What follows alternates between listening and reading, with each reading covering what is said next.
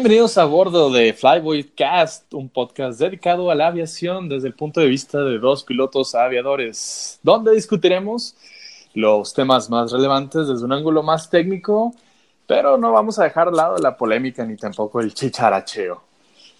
Permítanme presentarles en orden cronológico y por estaturas.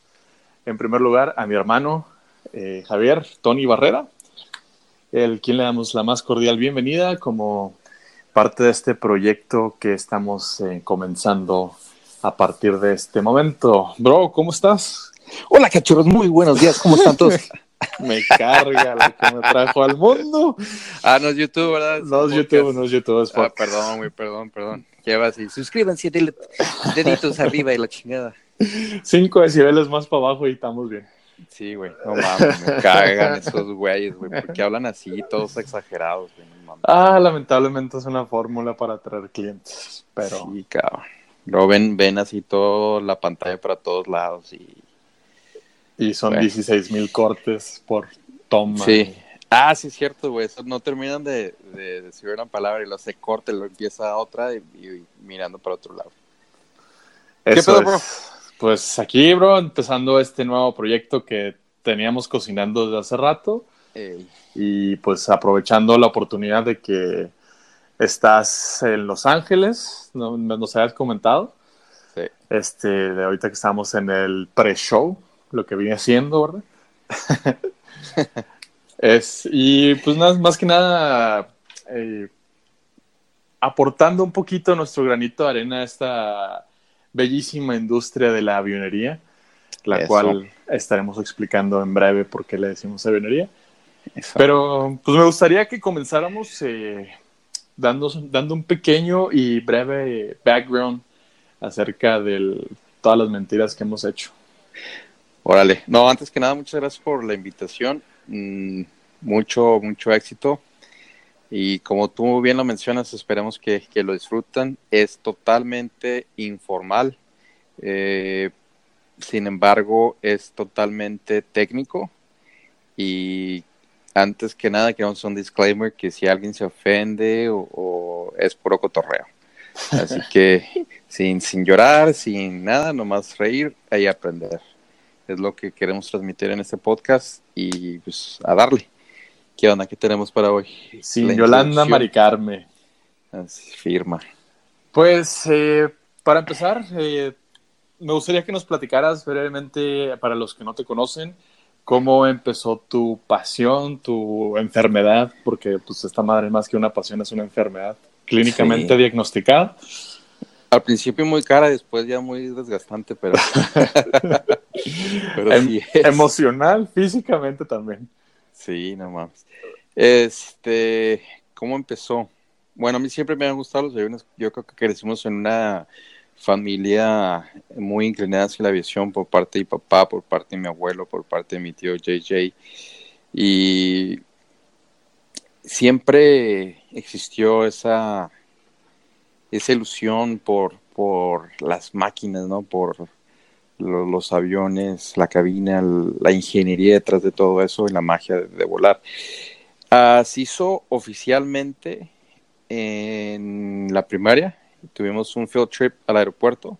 a otro disclaimer, somos de la frontera norte, así que todo es pocho, ¿eh? 100%. Sí. sí. Este, tuvimos un field trip al aeropuerto, en creo que estábamos en segundo, tercera o primaria, no recuerdo bien, ya fue hace bastante.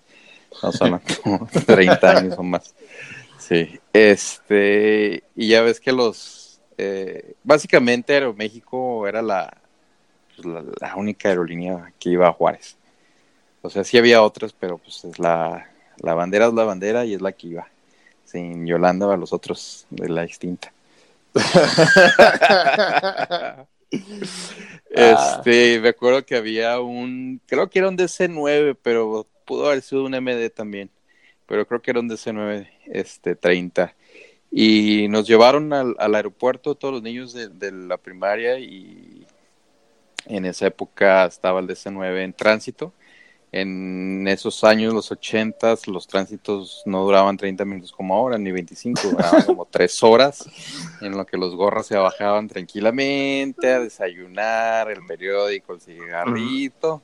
Benditas eh, aportaciones sindicales, bueno, sin, cerrar la bitácora, no Sí, sí, obviamente.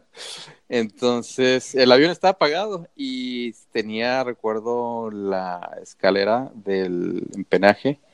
Eh, entramos por ahí, nos enseñaron los galleys, los asientos, y me acuerdo que la maestra Gloria, creo que era la maestra Gloria Lupita, no recuerdo, este, sabía de, de, mi, de mi pasión, porque siempre me la pasaba dibujando aviones, entonces con el mecánico eh, o el despachador, no, sé, este, yo fui el único niño de todo, de todo el grupo que me dejaron entrar a la, a la cabina de pilotos.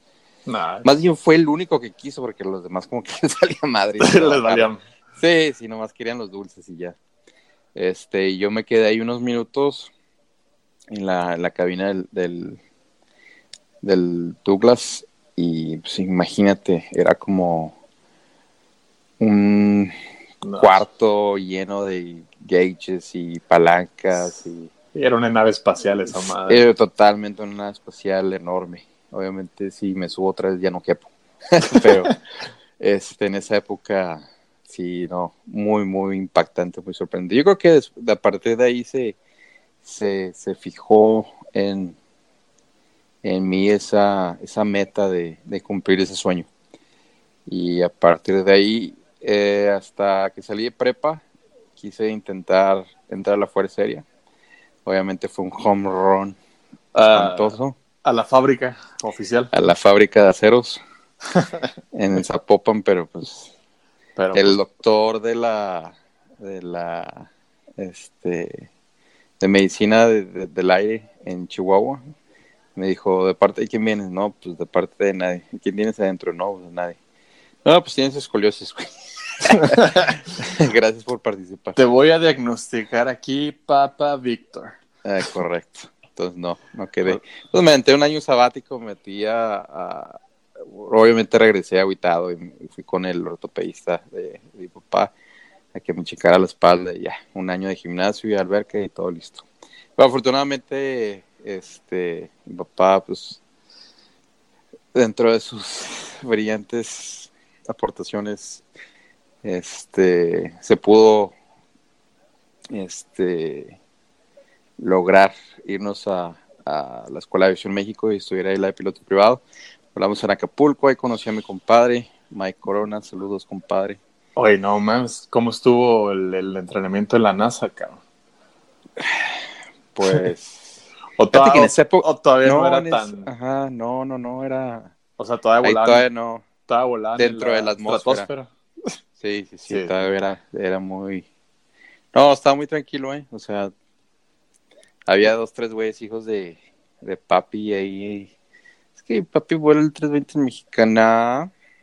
Volaba, eran los más, volaba. Eran obviamente los más güeyes, ¿verdad? No sé por qué, pero este, no, muy padre, muy padre experiencia. agarrar el metro todos los días. Ajá. Hice hasta la, la colonia federal, preciosa colonia federal. Y Champs-Élysées Champs de la CDMAX. Eh. No, y volar en Acapulco estuvo padre. Eso sí estuvo padre. Eso sí creo que estaba fregón. Sí. Tenías opciones, ¿no? Tenías eh, Cuerna, Puebla y Acapulco. Ahorita creo que sí, pero antes mm, te digo que no había, estaba muy, muy tranquilo, o sea, pues era, creo que sí había, sí había opciones, pero creo que la más barata era Acapulco. aparte es una chulada a nivel de mar. Sí, no. Pista larga. Sí, no, en esa la, la 28 de Acapulco puede hacer 10 toques y despegues de ahí. ahí terminas todo tu, training en un día. Es en la, misma pista. En un... Este, ya si, no, si, no, le quitas el, el condón al pitot más, cabrón. Sí, cabrón, no mames. Este, se me pasó. Pero bueno, eso es para otro capítulo. Sí. Este, sí, vamos a hacer una, una, un, capítulo de pendejadas del ayer y hoy. Presenta. Va, a ser como de tres tomos. Sí, fácil. Este, terminé la de privado en enero, febrero, no en enero. Bueno, por ahí me regresé a Juárez y entré a trabajar al aeropuerto gracias a, a mi tío Jay que contactó a Mari Carmen y Mari Carmen me hizo el gran favor y me dio la oportunidad en mi vida de entrar a la aerolínea como tráfico, después eh, despachador, al final de jefe de aeropuerto. Fueron cinco años en, en Azteca y muchas gracias por todo lo que aprendimos y saludos americanos también. Y aparte, al mismo tiempo empecé en Santa Teresa, Nuevo México, igual que tú, ahorita nos vas a contar, a terminar la, la carrera comercial, la FAA. Y después de ahí entré a Interjet en septiembre de 2007 como el primer grupo ELT, Entry Level Training, de básicamente de cadets, de horas sin, sin experiencia. Y hice cuatro años en Interjet, base México, y después en el 2011 me vine para acá para los Emiratos. Y qué más puedo decir, son siete años ya acá, un poquito más de siete años. Y en mi carrera profesional he volado, bueno, desde el principio, porque están para también, es una 150, 152, 72, 82, 210, mi favorita, 206, 207, eh, un cachuchazo en un 414 Uh, un Seneca 2 y 3 y ya el 320, 330, 340, 300, 340, 500 y actualmente 380. Damn. Yep. Sí, y aparte, este, ¿qué te faltó? Un C37 nomás. Yo creo, espero antes de retirarme volar un Boeing. Un para, Boeing, para poder escribir un libro y ya. y ya, retirarme. Eh, y el, el clasiquísimo, el Embraer. El, nah, son madres. Güey, todo, todo mundo tiene que terminar la regional. sí, tarde o temprano. Sí, es parte del ciclo de la vida. Sí. Así es. ¿Cómo es, Muy, muy interesante. Todo, esos siete años en Dubái han sido como cinco minutos. Debajo, debajo del agua, cara. Adentro del sol, cabrón. no, pero pues imagínate, quien tuviera, no sé, recapitulando rápidamente, imagínate cuando estabas en tus primeras horas en Acapulquito, pensar que X años después ibas a ser, ibas a ser capitán del 380.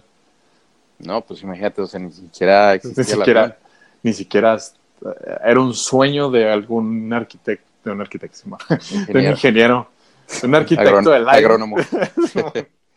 de un licenciado en letras.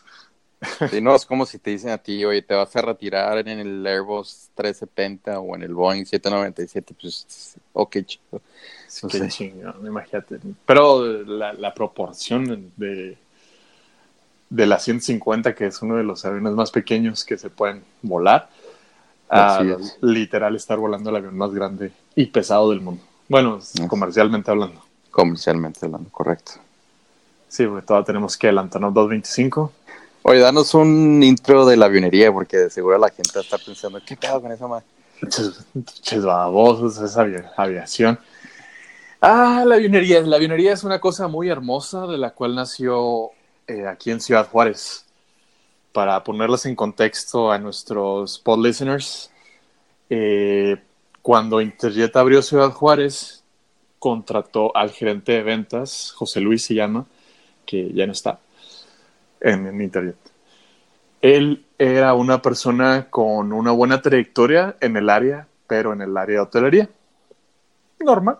Pues lo invitaron a formar parte de, de las líneas de Interjet y accedió. Muy buena persona, muy, muy buen gerente eh, cuando le tocó dar el speech de inauguración, pues le salió el corazón, pues, hotel, hotelería, aviones, avionería, y dijo, qué bonita es la avionería. A lo que toda la Coparmex se quedó con cara de, ¿what? y dice, ¿what? Y a partir de ahí, pues eh, fue bullying, lo que viene siendo realmente fue bullying por parte del personal de la estación y cada vez se fue extendiendo más el uso del, término acuñado en, en Holy Land, a.k.a. Ciudad Juárez. Y, y así es, bro. Y pues eh, para sumar parte de lo que ya has comentado brevemente, hemos compartido casi casi el mismo camino también. Para, también estuve en Líneas Aires Azteca, después tuve un breve pero sufrido paso por Alma del Diablo como despachador. Alma de México. Cherolini, Jesús, puta madre. Este, que lo, lo, bueno de ahí era la gente, en realidad. Eh, sigo teniendo contacto con muy buenos aviadores y, y la raza estuvo bien, pero puta, estuvo, bien fuera, todo, todo fue sufrir. Malo el CRJ 200, ¿no? No tan malo como el cáncer, el cabrón. es un avión muy bueno para el simulador, muy bueno para el Pilot Wings y muy bueno para el Flight Simulator. En la vida real, en Ciudad Juárez, eh, estaba limitado, el payload estaba limitado a 33 grados centígrados, ya no podía sacar los 50 pasajeros. ¿Cuánto? 33 grados centígrados, nunca se me va a olvidar. No, o sea, Juárez en verano está arriba de 40. A las, a las 8 de la mañana estábamos a 33 grados, no mames. Sí, no, gracias por participar. Entonces, era un avión que durante seis meses, de las 12 del día a las 6 de la tarde, no puede sacar más de 25 o 30 pasajeros. Eso es muy bueno para el negocio, seguramente. Hombre, una de las anécdotas rápido, me acuerdo, es que un día, como teníamos, llegamos a tener 16 frecuencias en Juárez, 16 operaciones. Eso era un madral. Había como tres vuelos a Mazatlán y en uno de los vuelos, todos llenos, la temporada alta Mazatlán es el Acapulco de, la Ciudad de México acá. El DF, ¿cuál es la ciudad? El, el CDMX, el, el defectuoso. DF. Siempre va a ser defensor. y me acuerdo que un día dije, tomé yo, pues era el oficial de operaciones y en esa empresa teníamos bastante, bastante poder en cuanto al manejo de la operación. Y decidí con el capitán de mandar los 50 pasajeros, ni una sola maleta. ¿Eso? Ni una maleta, porque no, no, no salía el avión. Entonces les explicamos a los pasajeros que pues, bueno, en realidad les explicamos amablemente una vez que hubieran llegado a Mazatlán que no les iba a llegar el equipaje hasta tres horas después. Llegaba en carga, ¿no? Sí, llegué en Aeroméxico. Sí. Lo cual no era tan malo, o sea, si te ponen a, en una balanza, ¿qué prefieres? ¿Llegar a Mazatlán y esperarte tres horas por tu equipaje o de plano no saber cuándo vas a llegar? Yo creo que la mayoría hubieran elegido eso. Ah, claro porque sí, sí, estuvo, sí era, un avión muy limitado para, para México como país porque tiene muchos, muchas dificultades en cuanto a elevaciones de aeropuertos, temperaturas, pistas. No sé, me acuerdo de los mochis, tiene 2.000 metros la pista.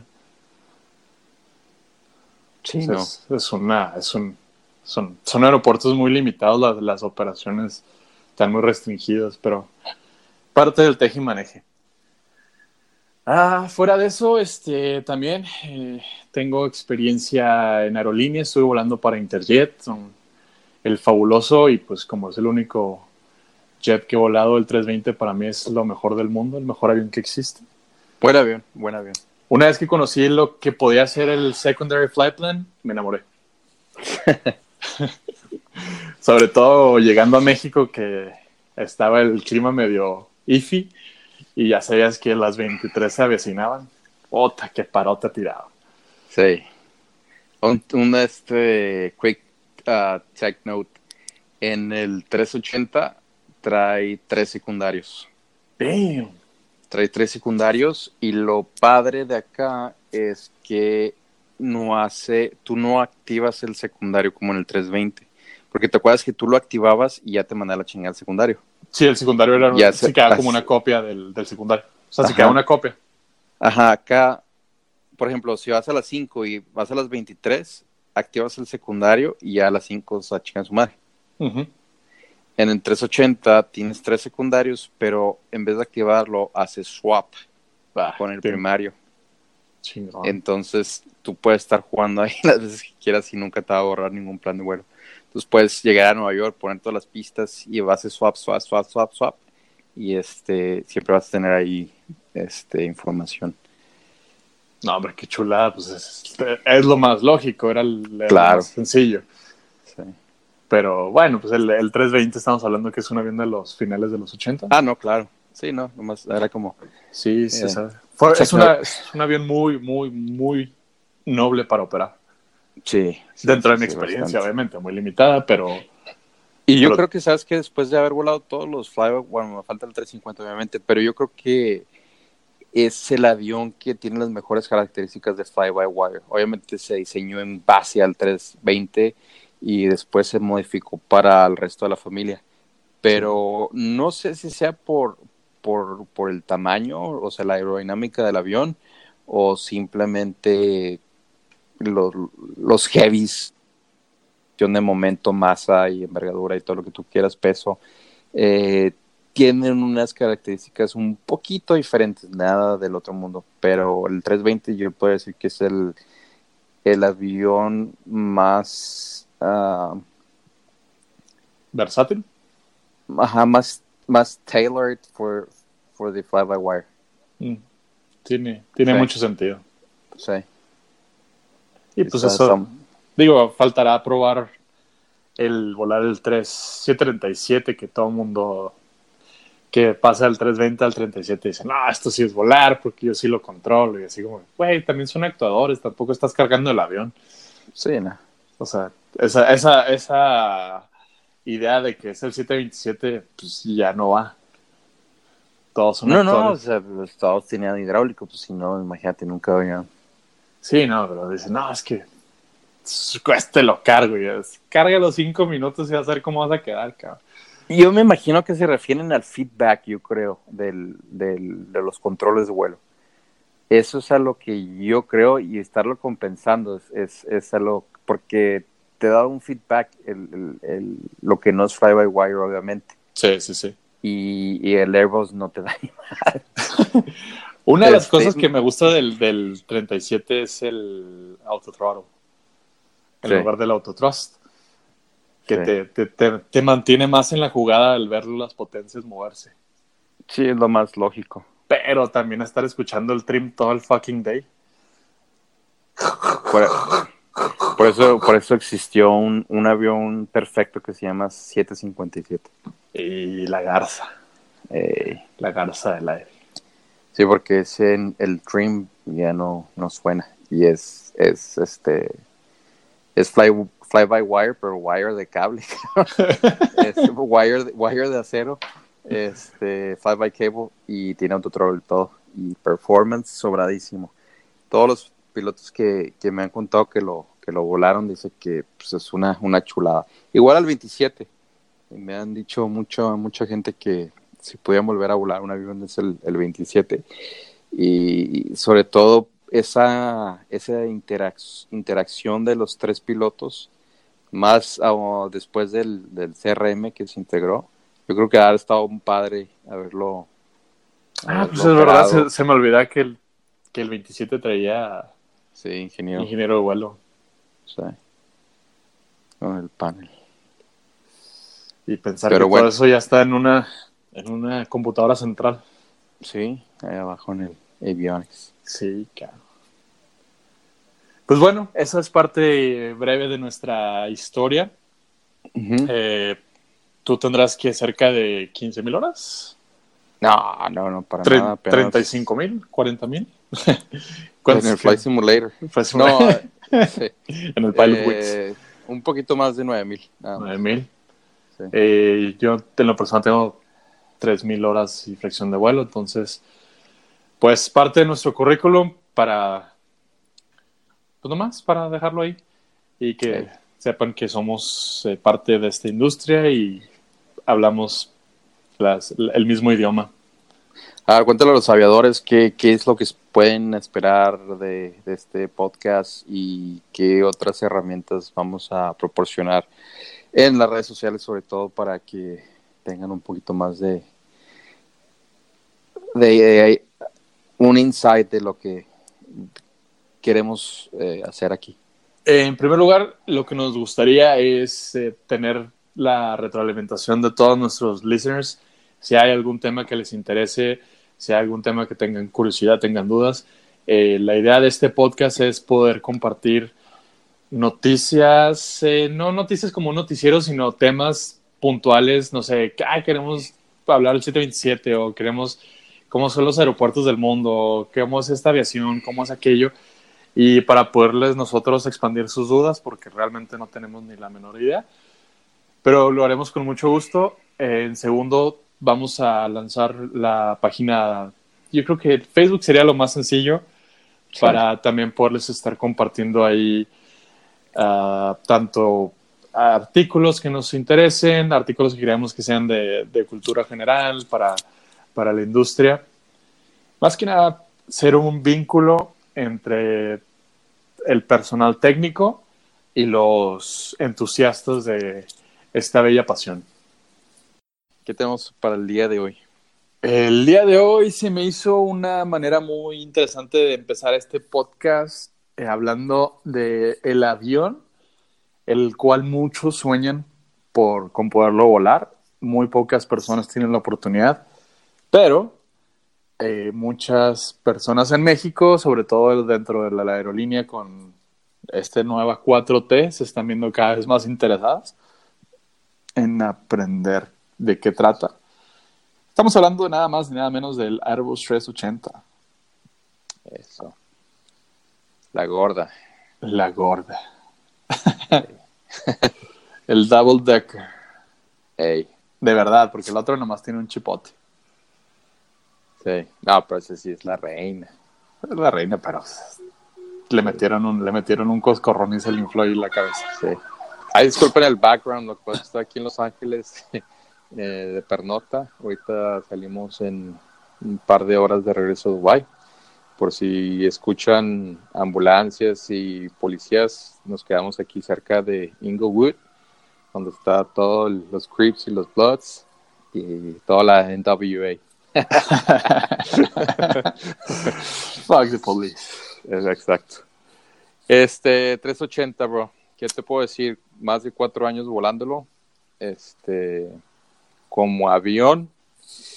¿Sabes qué se me hace que, puta, es que se me hace que llegó tarde al, al juego? Este, en el aspecto comercial. Se me hace que llegó un poquito tarde. O llegó muy temprano por que se podría beneficiar si tuviera una tecnología más avanzada disponible. ¿A qué me refiero? Si este avión lo hubieran sacado a la par con, ponle, ponle con el, 4, el, el 747-400ER, que fue el último de los clásicos 400, pudiera haber tenido un mayor este, impacto uh, positivo Ahorita y, con la tecnología ya del, 350, pero sobre todo del Dreamliner, este, sobre todo que, no tiene blitz y eso le, hace tenga un consumo bastante bajo. No estoy seguro, eh, digo, me puedo equivocar, pero dicen que tiene un consumo por hora de 7 toneladas más o menos. Que si te pones a pensar es más o menos lo que, lo que consumía el 727, güey. No mames. Sí. Bueno, pero el 727 también era gastalón. Sí, no, o sea, nomás es como una comparación, ¿no? O sea, de cómo ha evolucionado la tecnología para, para hacer los aviones más eficientes. 380 eh, es sin duda alguna un avionazo, eh, tiene un diseño muy, muy avanzado, sobre todo en sistemas muy redundantes que por el mismo tamaño es muy difícil de operar en, en cualquier aeropuerto. O sea, no, no podemos llegar a, a, cualquier aeropuerto. Nuestros aeropuertos alternos tienen que estar este, survey. ¿Cómo se Fíjate, qué bueno que empiezas por ahí, porque esa es una de, las dudas que a mí me despertó principalmente.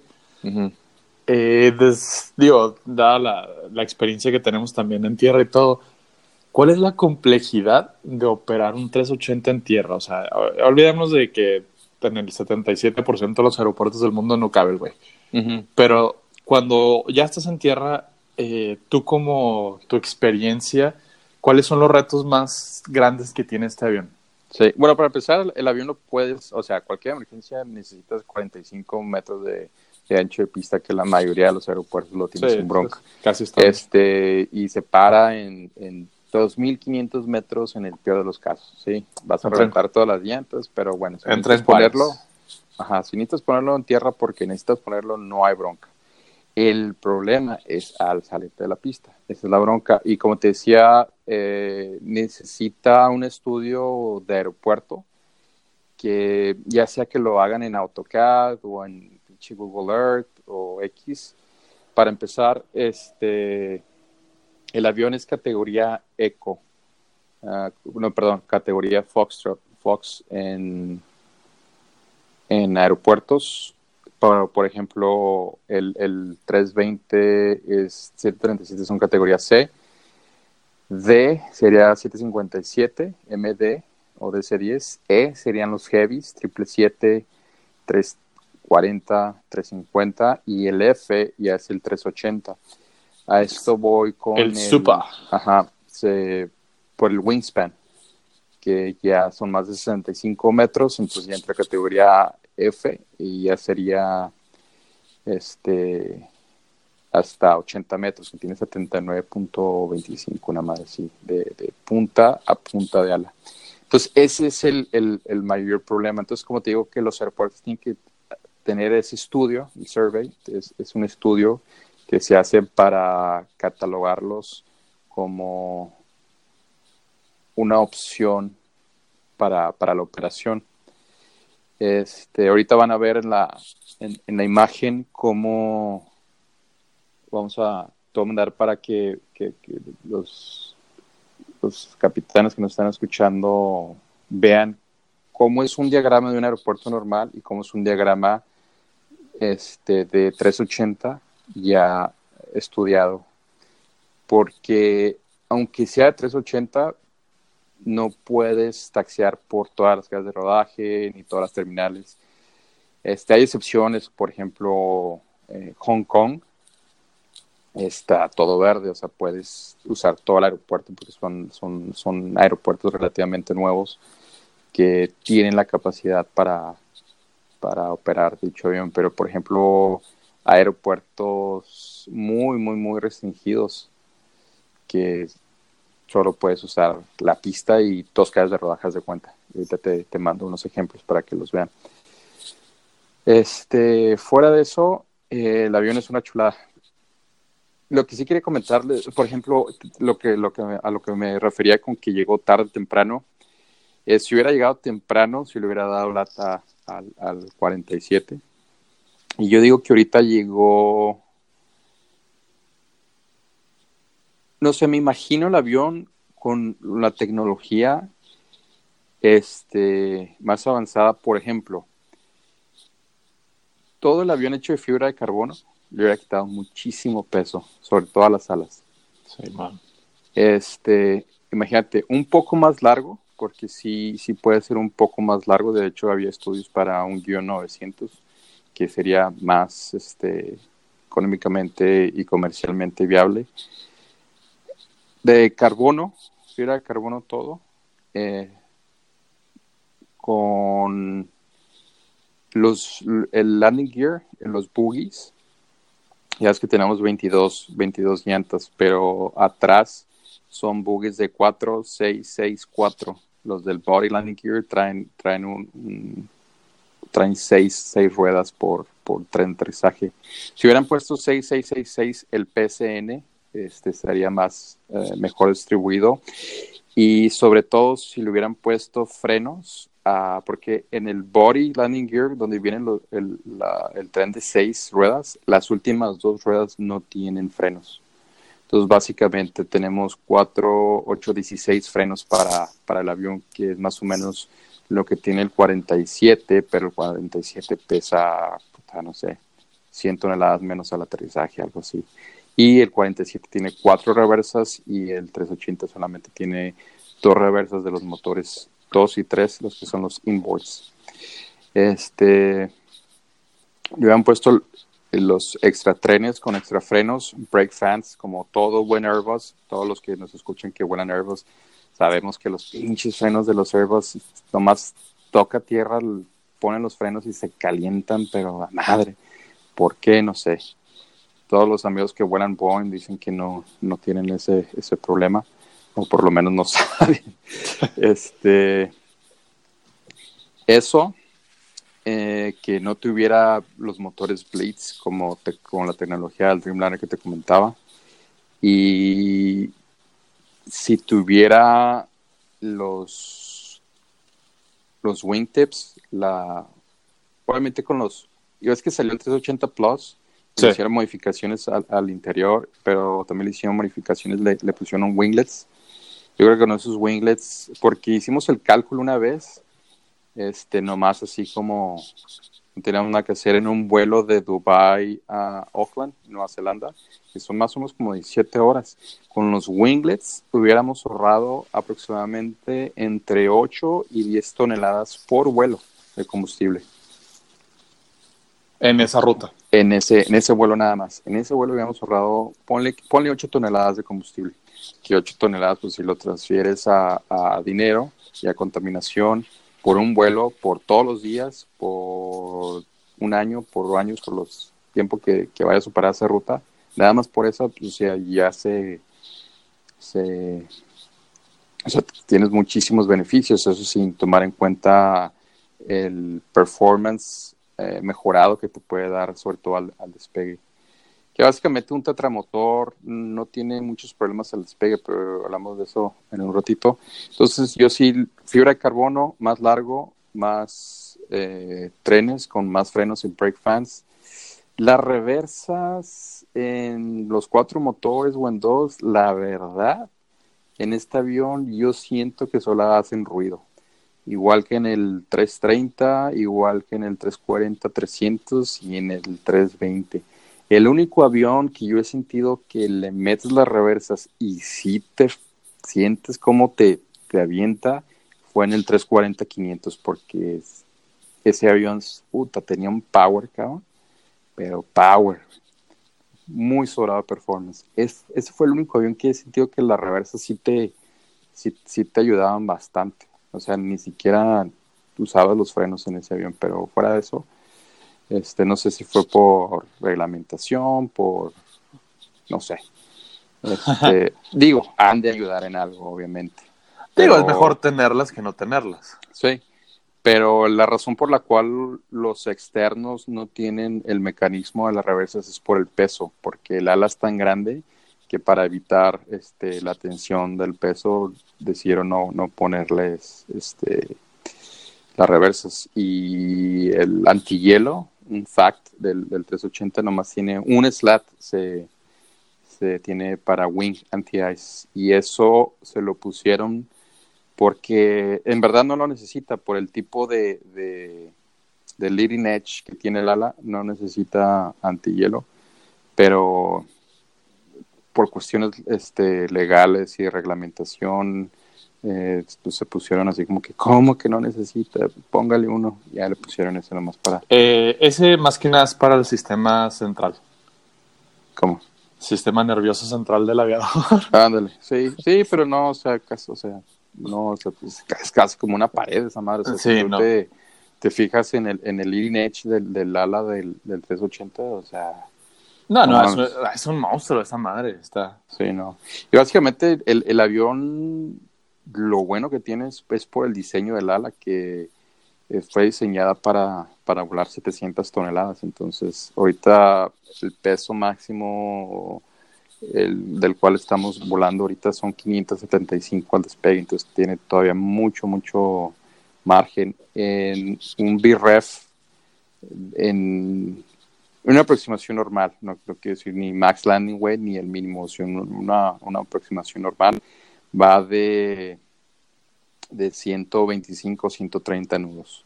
No, Entonces, para, para el tamaño, o sea, es una, una súper, súper ala. Entonces, bueno, uh, recap. Va, eh, frenos, llantas. ¿Vas más lento que el, que el Aeromar, cabrón? No, no, no, exageraste, güey, pero sí. Aromar, Aromar 2260 autorizados para despegar, reporte estimado para vasos. Un clásico. Sí, a huevo. Perdón, te interrumpí el recap del... Del, 380, perfecto. Sería más ruedas, más frenos, brake fans, eh, que se doblaran las puntas de ala como lo va a hacer el 777 nuevo, porque ese es el mayor, la mayor desventaja del 380 que no es airport friendly por el por la envergadura. Eh, carbono sin blades, este, y yo creo que sería el avión perfecto para las aerolíneas porque sí te ayuda mucho, sobre todo en los aeropuertos si tienes problemas de slots. Heathrow y París y todos esos. México, este sí sería sería muy, muy chingón. es que eh, estamos hablando de un avión que eh, puede transportar hasta que 800 pasajeros en una sola clase. Sí. Digo, obviamente nadie va a meter una sola clase en un 380 en su sano juicio hasta que no hasta que no llegue a ver. Eso, es el gordo. Simón. Pero eh, con el problema el problema más grande en, en el mundo, yo creo, es que los aeropuertos no tienen para dónde crecer. Toda solución definitivamente no va por eh, hacer que los aeropuertos saquen terreno de donde no hay, sino que los aviones tengan mayor capacidad de transporte de carga y, bueno, de payload en general. Entonces creo que ahí, ahí, el 380 es donde tiene ese plus. La contra, como dices, es que llegó cuando ya todos los aeropuertos estaban hechos y está cañón acomodarlo. Sí. excepto en China, que China todo está Fíjate que la, infraestructura aeroportuaria de China es verdaderamente impresionante. Y nomás ha podido ir a Shanghái y a Beijing. Eh, creo que también volamos a Guangzhou. Eh, todavía no he ido ahí, pero tú sobrevuelas los aeropuertos de Kunming, de Chengdu, todos esos y se ven enormes, enormes. Ah, obviamente están limitados mis compas chinos en, cuanto al ATC y todo eso, pero eso es otra historia. bueno, no pueden tener todo acá. Sí, no, les preguntas algo y stand by. Creo que el mayor, el mayor problema es que el espacio aéreo es militar, ¿no? Sí, todo China es militar. Entonces, eh, pues tiene la flexibilidad del acero. Sí. Está... está, está complicado. Y estaba leyendo un dato interesante, bueno, dos, en relación a lo que habías mencionado. El vuelo más largo que tiene registrado el 380 es el que mencionaste de Dubai a Auckland, New Zealand. Es de 14.200 kilómetros, cabrón. Sí, nomás. 17.3, 17.3 horas de vuelo. Sí. Son madras, pero y la otra que mencionabas, eh, al despegue, el ala tiende a ascender, la punta del ala tiende a ascender hasta cuatro metros. Hijo de su madre. Sí, no, es que es un. Es una. Es un monstruo, cabrón.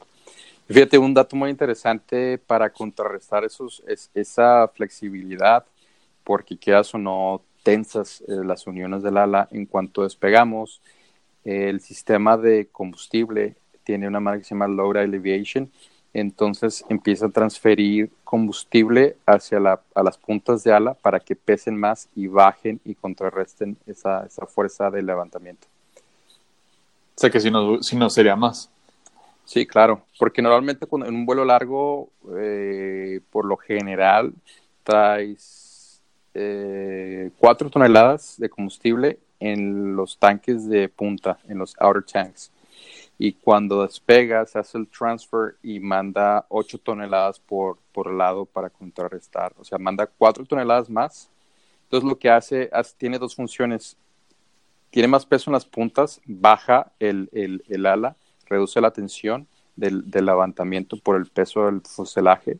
Y aparte como el, es un ala, o sea, no, no, es un ala delta, pero tiene mucho, mucho sweetback Simón. Este, las puntas están hacia atrás, eso cambia el, centro de gravedad hasta en un 2%, lo que le da más peso, transfiere el peso para atrás y eso reduce el, el of, uh, stabilizer. Es el podcast de Somos Pochos. Somos, Pochos, la frontera. Y... y cualquier persona que esté en la aviación o le interese la aviación, tiene, tiene, que spanglishar. Ah, huevo. este. Sí, mantas el centro de gravedad hasta, hasta 2% atrás, eso reduce el, peso en, en, o sea, lo manda para atrás, reduce el peso enfrente y, y reduces el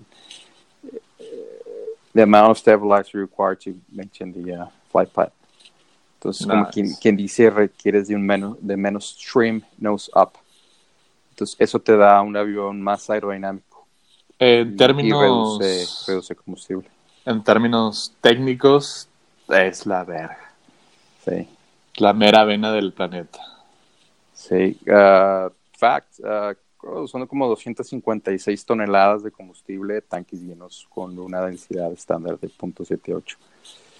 Esa es la capacidad. Ayer que salimos de Dubai para Los Ángeles, es un vuelo de 14 horas 50. Eh, le, pusimos 214 toneladas de combustible. Llevamos como en un 75% de ocupación. Damn. Sí, son, son muchos.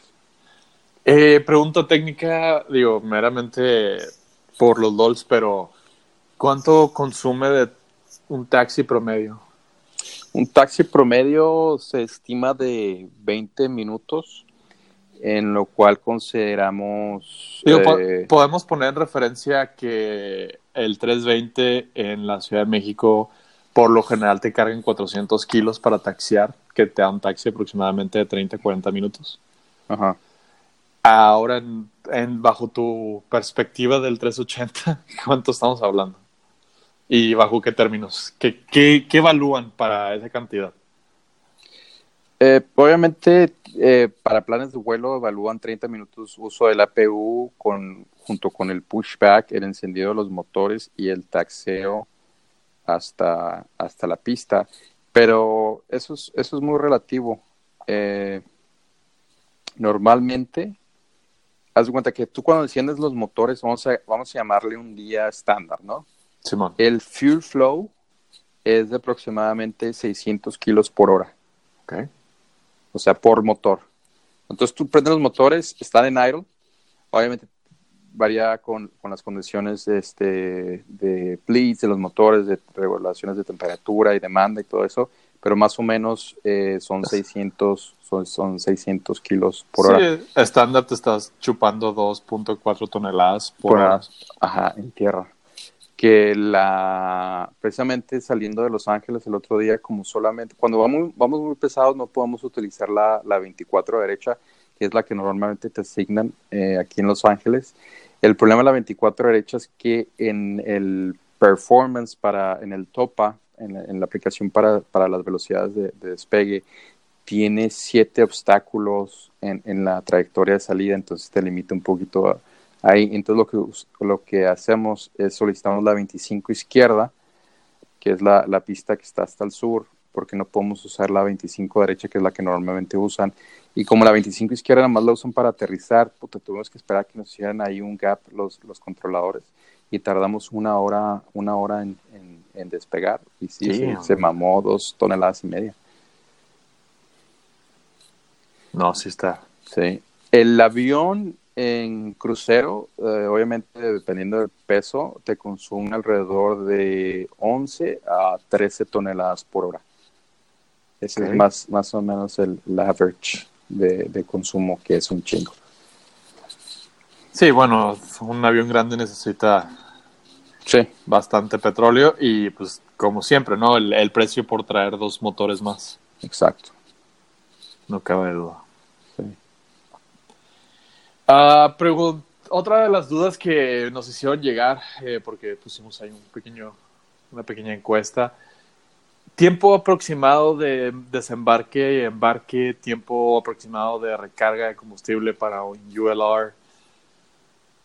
Mm, embarque, eh, por lo general opera donde hay tres, tres pasillos telescópicos, tres jetways. Entonces, básicamente el avión arriba tiene 100 asientos porque son 76 business y, y 14, no menos, y 76, 90, 90 pasajeros.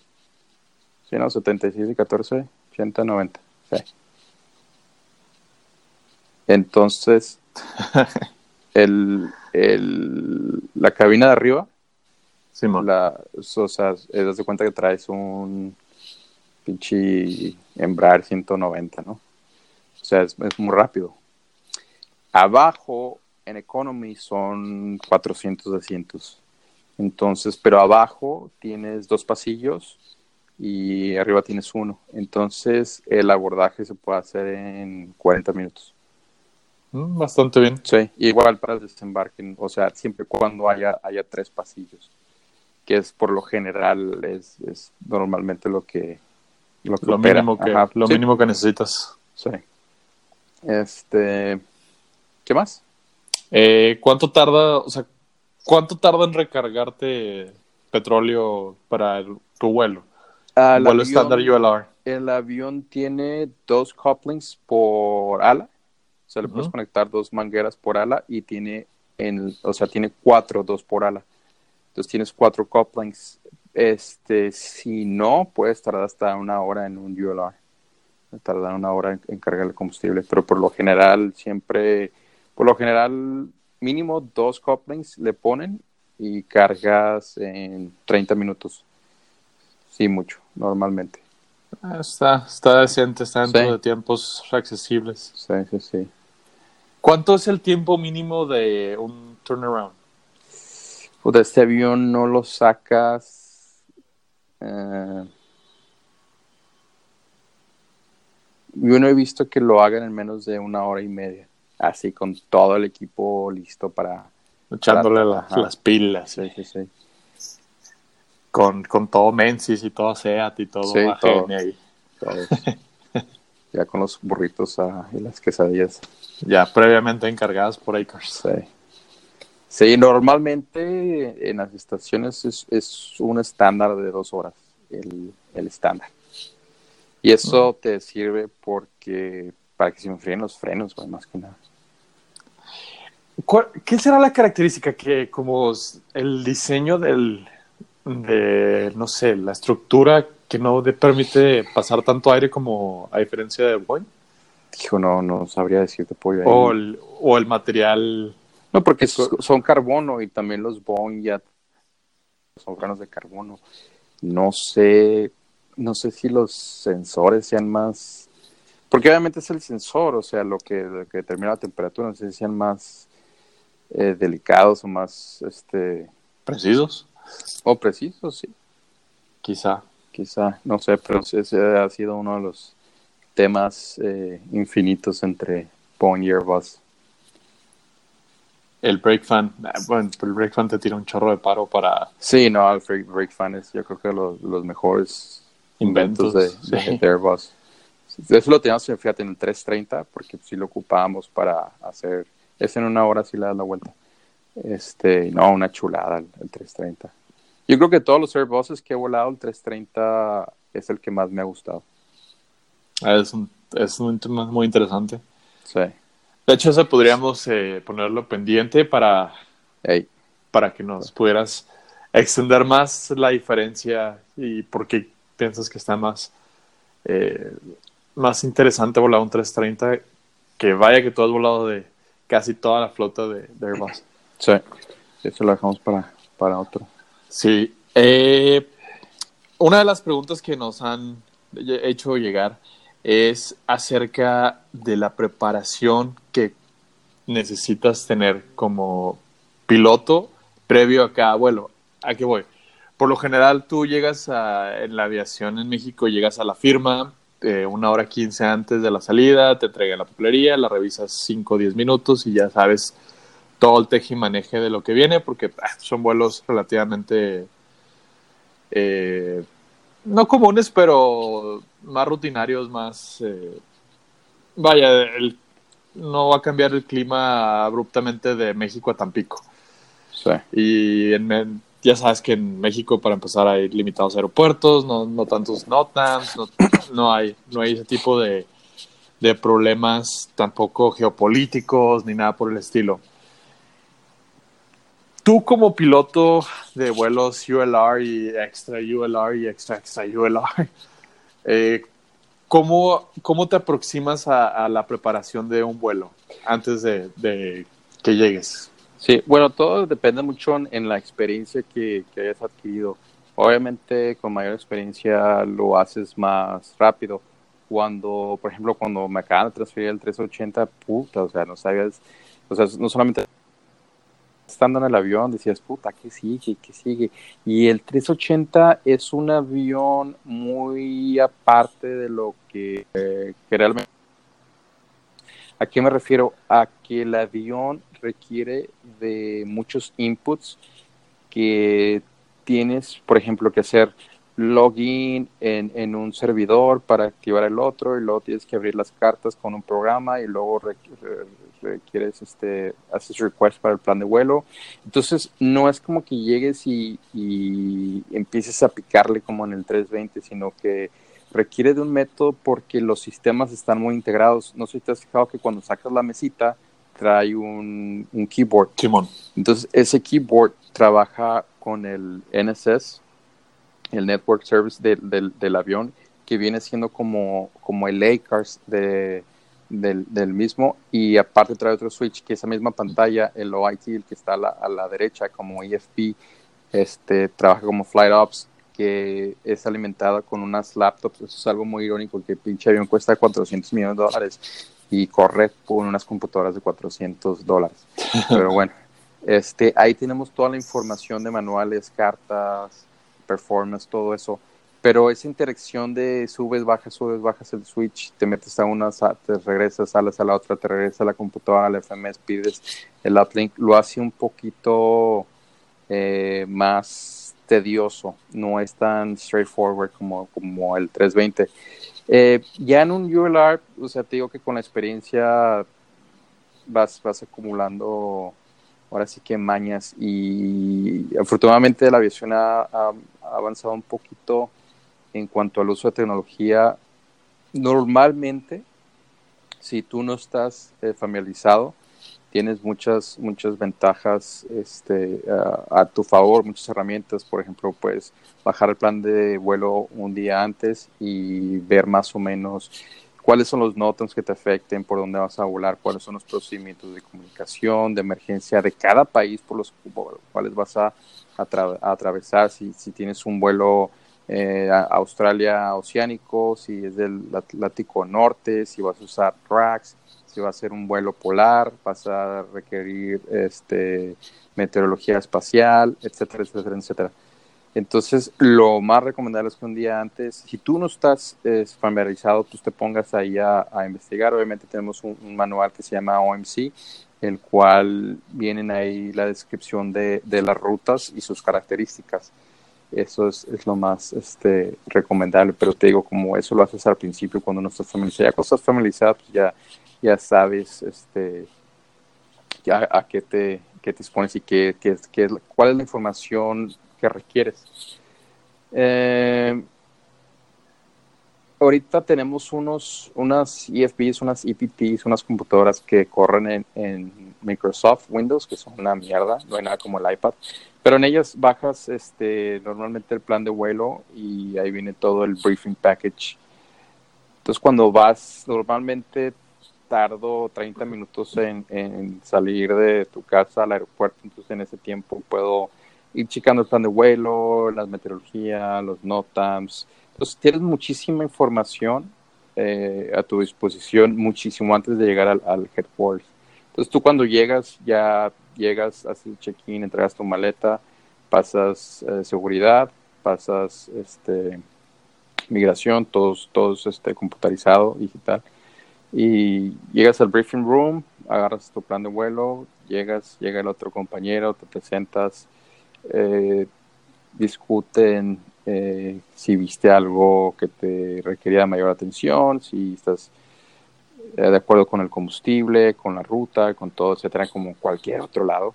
Ya después pasas al otro cuarto, te presentas con el resto de la tripulación, les dices lo que le quieres decir como, como capitán, jefe del equipo, y ya te vas al avión. Eh, normalmente llegamos al avión una hora 55 minutos antes, llegamos, entramos a la cabina, dejas tus cosas, haces un prechequeo de seguridad, que todo esté bien, que no haya nada extraño, revisas bitácoras y empiezas a, solicitar lo que es la ruta.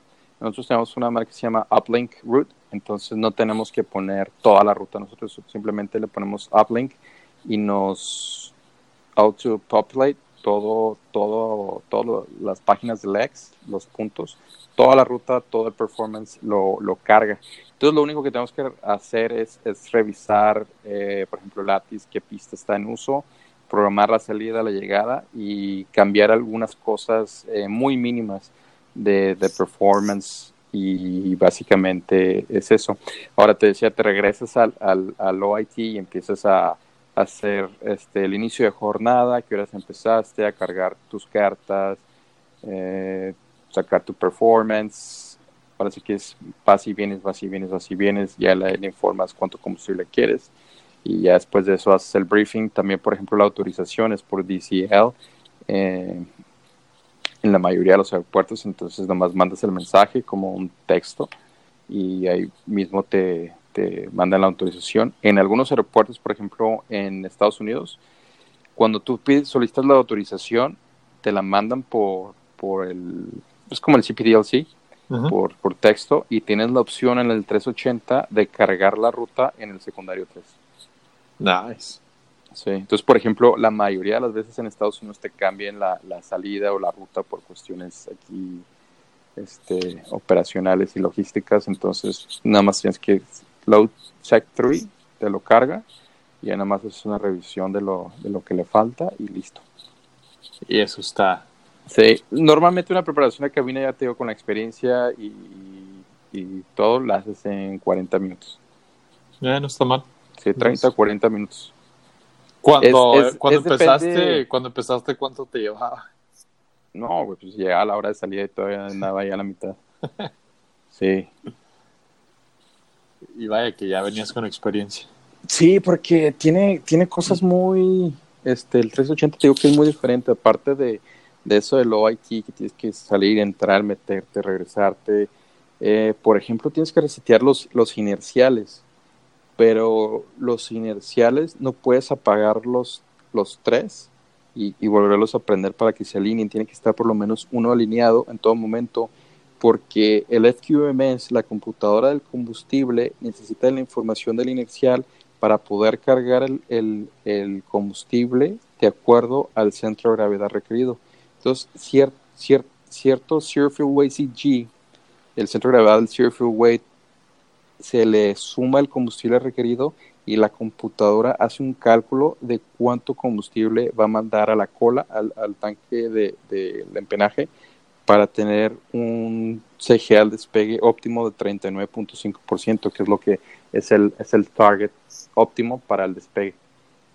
Entonces, eso te hace que vayas, los apagues, este, los dejes pendientes, regreses y luego vuelvas a, alinear los otros y luego, o sea, es un, es un Es una tecnología como, ¿qué te puedo decir? Me, me suena como retrofuturista. Sí, muy, muy entre lo nuevo y lo viejo. este, por ejemplo, lo, el OIT está muy padre y todo, pero la cagaron los Airbus porque o sea, si te pones a pensar, el OIT está enfrente del stick. Entonces, así que tú digas, no, pues lo veo poca madre, no. Este, la, la, esa pantalla es solamente un espejo de la, de la laptop. Entonces, podría ser touchscreen, estaría poca madre.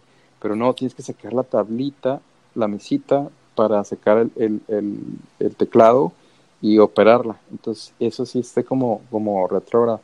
Este, por ejemplo, ya tiene Electronic Checklist, pero solamente lo puedes operar con, con los botones del eCam Control Panel.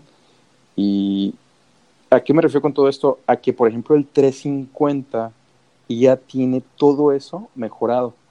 El OIT ya es transferible, ya puedes operar la lista con, con el mouse, porque traemos un mouse para, para los FMS, que es una chulada, la verdad. Entonces está más friendly en, en, la, en la, cuestión de, de, operar, como que fluye. Y en el 380 no, o sea, es más como... Tienes el feature, pero para operarlo está muy arcaico el pedo. eso, eso, eso, sería una a proper way to describe it. Completamente de acuerdo. Digo, la, la vez que me tocó conocerlo y sí se ve contraintuitivo, sería mi definición. Ándale, exacto. Como que lo ves y dices, ah, sí, a huevo, le pico y eh, no, no, no, le puedes picar. Sí, no. Y bueno, pues te tienes que adaptar. Pero. Sí. Oye, una de las cosas que más me preguntaron y que me hicieron el hincapié que te, que te hiciera eh, este cuestionamiento es eh, la mayoría de los pilotos en México tienen experiencia, eh, pilotos de aerolínea me refiero, tienen experiencia de volar el A320 o familia o el C-37. Me han preguntado eh, qué tan complicado crees que sea la transición de esa experiencia a llegar a la gorda.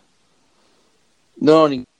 Yo creo que Airbus ah, ha, puesto mucho, mucho énfasis en, en crear realmente una, una familia y una comunalidad de operación. Si tú agarras un piloto de 320 ahorita de México y lo sientes en un 380, lo va a volar sin ninguna duda, para nada. La, probablemente alguna diferencia de, de operación sería en cuanto a la aerolínea en el avión, pero eso te digo, es, es de la, de la en lo que hablábamos del OIT, del IFP, todo ese rollo. Eh, pero fuera de eso, Airbus este, ha hecho total este, en, en que se, opere de la misma manera. Eh, de hecho, los memory items son los mismos, o sea, son muy, muy pocos los cambios. Eh, a mí lo que me costó más trabajo y creo que lo más complicado es adaptarte y entender todo lo que es el network structure de, de la aerolínea, todo el espacio aéreo donde operamos yo creo que eso es lo más complicado porque tienes que aprenderte los procedimientos normales, anormales, emergencias de todos los países en los que en los que vuelas porque son totalmente diferentes. Por ejemplo, hay países que no se hablan entre ellos, entonces tú tienes que hablarles por adelantado y a pesar de que pases por ahí todos los días, que es un vuelo de itinerario, tienes que, que hacerlo. Eh, contingencias especiales, volar sobre Himalaya, volar sobre Océano Índico, eh, norte atlántico, rutas polares, todo eso yo creo que es la, mayor diferencia y la mayor complejidad en cuanto a operar el 380 se requiere, porque obviamente no a operar un 380 de México a Acapulco, de Dubái a Fujeira en una operación normal, o sea, son vuelos muy, muy largos en los este, y a eso es, donde requieres la, la, mayor, este, el mayor estudio. Pero el avión en sí, este, para aterrizarlo, despegarlo, operarlo, volarlo, no tiene ninguna diferencia mayor a cualquier otro Airbus.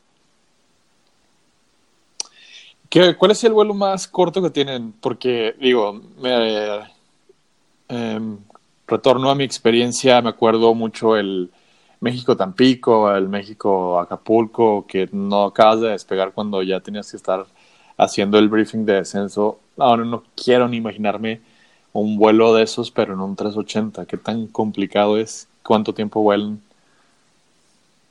Eh, 380, creo que a Kuwait es de los más cortos, es como una hora 15 minutos más o menos. Este, pero no, te digo, o sea, tratamos mayor en, en, tierra y te digo, o sea, pues, por ejemplo, nosotros fuimos muchas veces en el 330, en el 340, entonces aplicarlo 380, pues básicamente lo mismo. no, no tiene mayor, más que nada el, trabajo ahí es para los sobrecargos que tienen que dar un servicio completo en un vuelo de, de una hora y pico. Entonces ahí sí viene siendo este el mayor reto, más que nada para ellos, porque igual llevas 500 pasajeros. Aunque llevas 24 sobrecargos, pero tú me das son 500 pasajeros, es lo más, este, lo más complicado, yo, yo creo, de la operación. Vaya, sí que está desde ese punto de vista, sí está bastante complicado darle servicio a tantos pasajeros en tan poco tiempo. Sí, sí. Ah, algo que más es agregar que te gustaría destacar del, del 380. Eh, creo que ustedes tienen el sistema más sofisticado de, de ticas, ¿no? El 380 sí ya lo trae, creo que es retrofit para todos los Airbus, no, no, no me creas, pero ya es retrofit option para todos los Airbus y estándar en el 380 y 350. Eh, básicamente hace la, la resolución del, del TICAS con el piloto automático y tiene un modo en el FMA que se, se pone TICAS Blue, que es TICAS armado, y luego te reemplaza lo que viene siendo NAV o Heading o All Cruise, Alt, lo que sea, por ticas en verde, que sabemos que no se debe decir verde, a menos de que hueles en Iberia. Este, y, en español, y en español. Son muy literales. Sí, este, y el avión hace automáticamente la, la resolución, ya sea desciende, eh, desciende, se nivela y vuelve al, al, a la altitud en la que estaba. Nice, o sea, sí está. Sí, ya me pasó una vez y sí lo hace súper, súper padre. Eh, esa sí aplicaría para los, los momentos de clima político donde los aviones se repelen solos. Exactamente. entonces, puro 380 y 350 en todo el país. Y ya, se acabó. El, ¿Cuál problema? Ay, sí, se repelen. ah, pues me parece que hemos abarcado en términos generales muy bien la complejidad de este avión. Eh, no sé, me gustaría en un futuro más adelante, no sé, meternos ya súper de lleno en temas muy mamones como el diagrama eléctrico y los buses y los todo el, sistema hidráulico que fun fact creo que el 380 ya no tiene sistema hidráulico azul verdad nomás es green and yellow. No ajá nada más son dos este la diferencia son dos nada más son a 5000 psi en vez de a 3000 tienen mayor presión y tiene aparte unos eh, servos electrohidráulicos como backup básicamente el diseño en cuanto a sistemas del 380 fue creado para que el avión por su tamaño como no se puede no puedo no puede utilizar cualquier aeropuerto solamente tenga que desviarse a un aeropuerto por fuego o por cuestiones médicas. Cualquier otra falla que tengas el avión puede continuar Ah, y también ustedes, digo, ahorita que lo mencionas, tienen un sistema o un procedimiento muy elaborado acerca de las emergencias médicas a bordo que alguna vez me comentaste, se me hizo muy interesante. Sí, eh, básicamente si algún pasajero se llega a enfermar, obviamente los sobrecargos tienen, tienen capacidad hasta cierto punto de, lidiar con, con, ciertos padecimientos. Fuera de ahí, la compañía tiene un contrato con un equipo médico en Estados Unidos en el cual nosotros les hablamos por medio de satélite y en el avión tenemos un, no sé cómo poder escribirlo, es un aparato que le llamamos Tempos, el cual, haz de cuenta que se pone en la mesita del, pasajero donde comes y te conectan ah, para leerte los signos vitales y esa información la manda directamente a la clínica donde tenemos el contrato. Entonces pueden monitorear el, al pasajero en, en, cuanto a sus...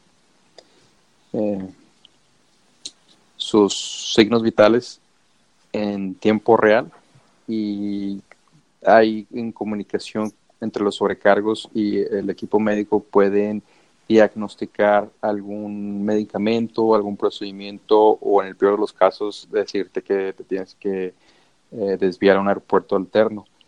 Lo padre es que ellos tienen conocimiento exacto de qué, qué equipo médico tenemos a bordo, desde el First Aid Kit hasta el Emergency Medical Kit, todo, todo, desde un curita hasta las jeringas, los medicamentos más fuertes que tengamos a bordo. Ellos conocen todo el equipo médico que lleva el avión. Entonces, en base a eso pueden ellos este, darnos un, una, una guía de, de, qué es lo mejor para, para el pasajero en este caso. No, sí está. Está muy interesante, muy elaborado. Sí. Sí, es, es, algo que, que valdría la pena que muchas aerolíneas se le echaran un oclayo. Sí, es que, pues imagínate, despegas 575 toneladas en un vuelo a Los Ángeles a Dubái, estás, no sé, al norte de Groenlandia, o sea, o, o inclusive eh, en cualquier parte, o sea, regresar a aterrizar.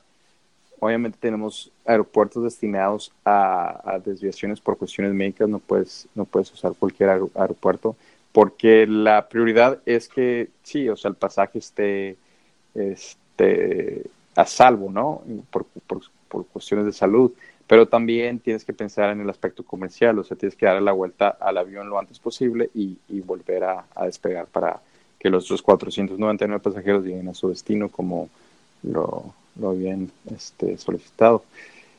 Eh, ahí vienen muchas eh, variantes por, por, por el, tipo de avión.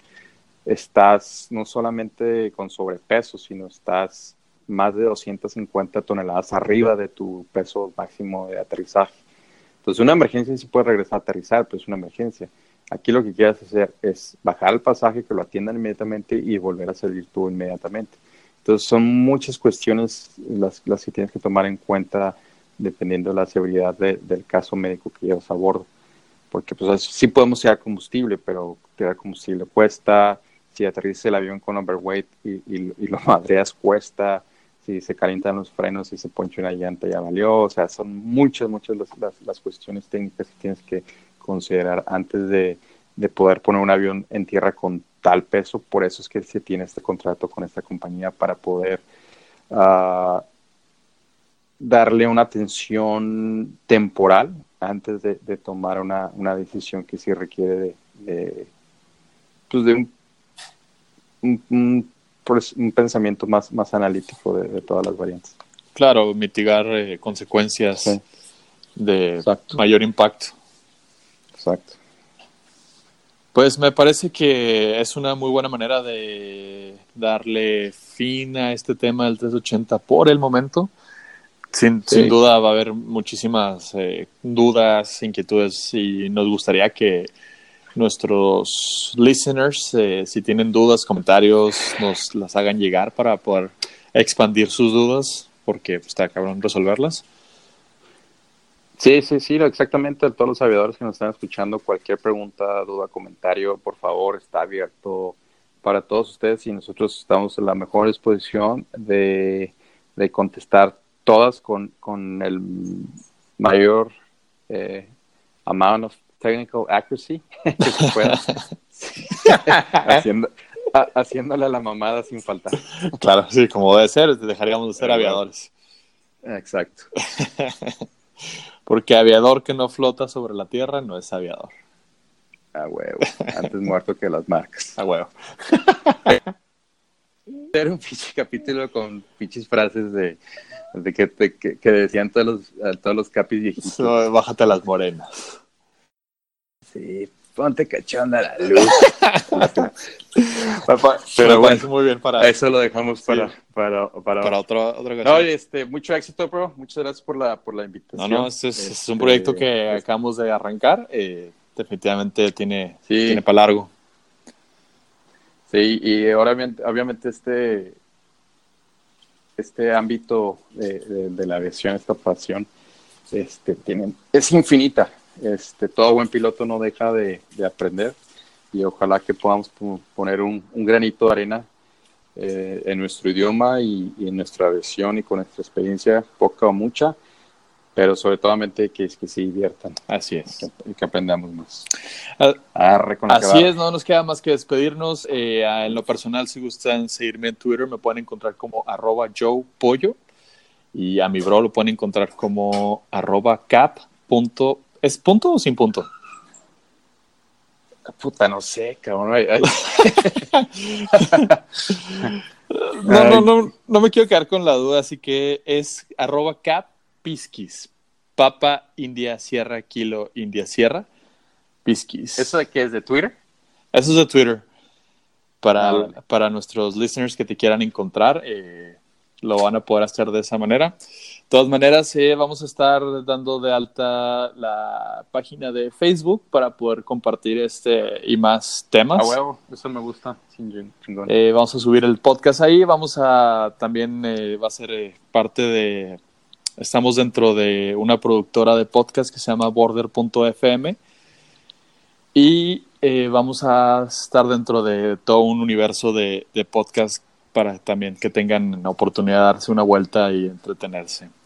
Así que por lo pronto nos pueden seguir nuestros Twitters, pueden, pueden eh, darle like y seguirnos en la página de Facebook, donde estaremos. Instagram también. Instagram también, donde estaremos compartiendo más eh, información, más notas, artículos, temas que se nos hagan relevantes.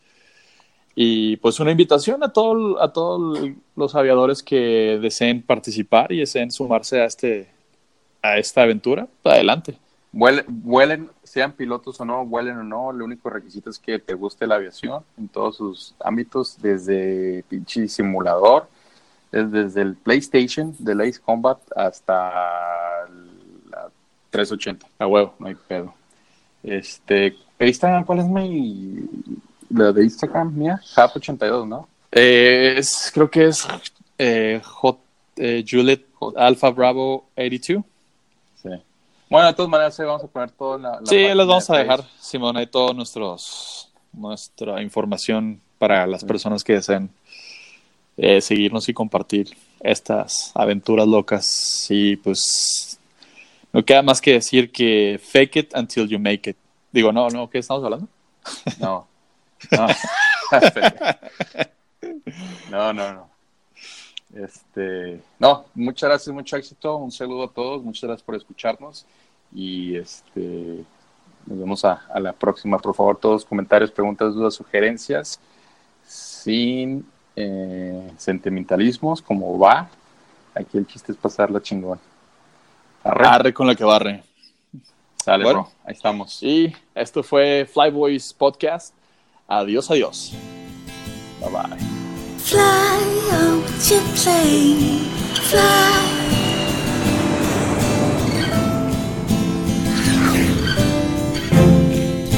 We used to be inseparable. You made sure you left me with lovely memories to mend my heart. Did you always know the day would come? You'd be gone and I'd be left behind. Sometimes, sometimes I wish that I could take a flight on a jet plane through the sky to see you again just one more time. I, I, I close my eyes and take a jet plane through my mind to be with you again back in time. High, high, high,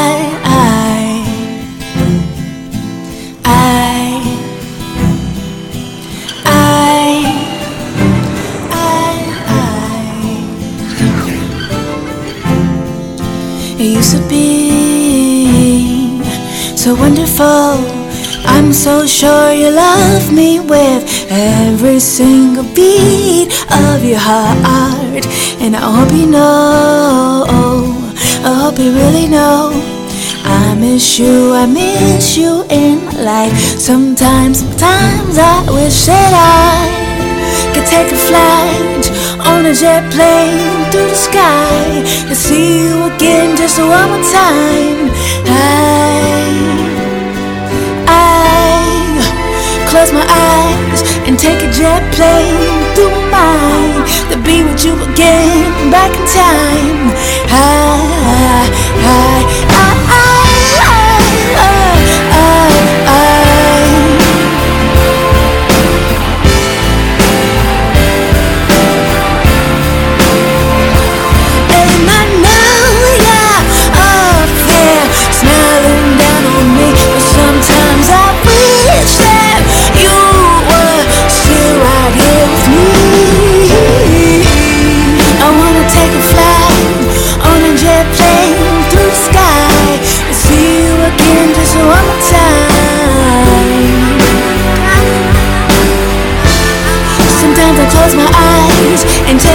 playing through my mind to be what you give.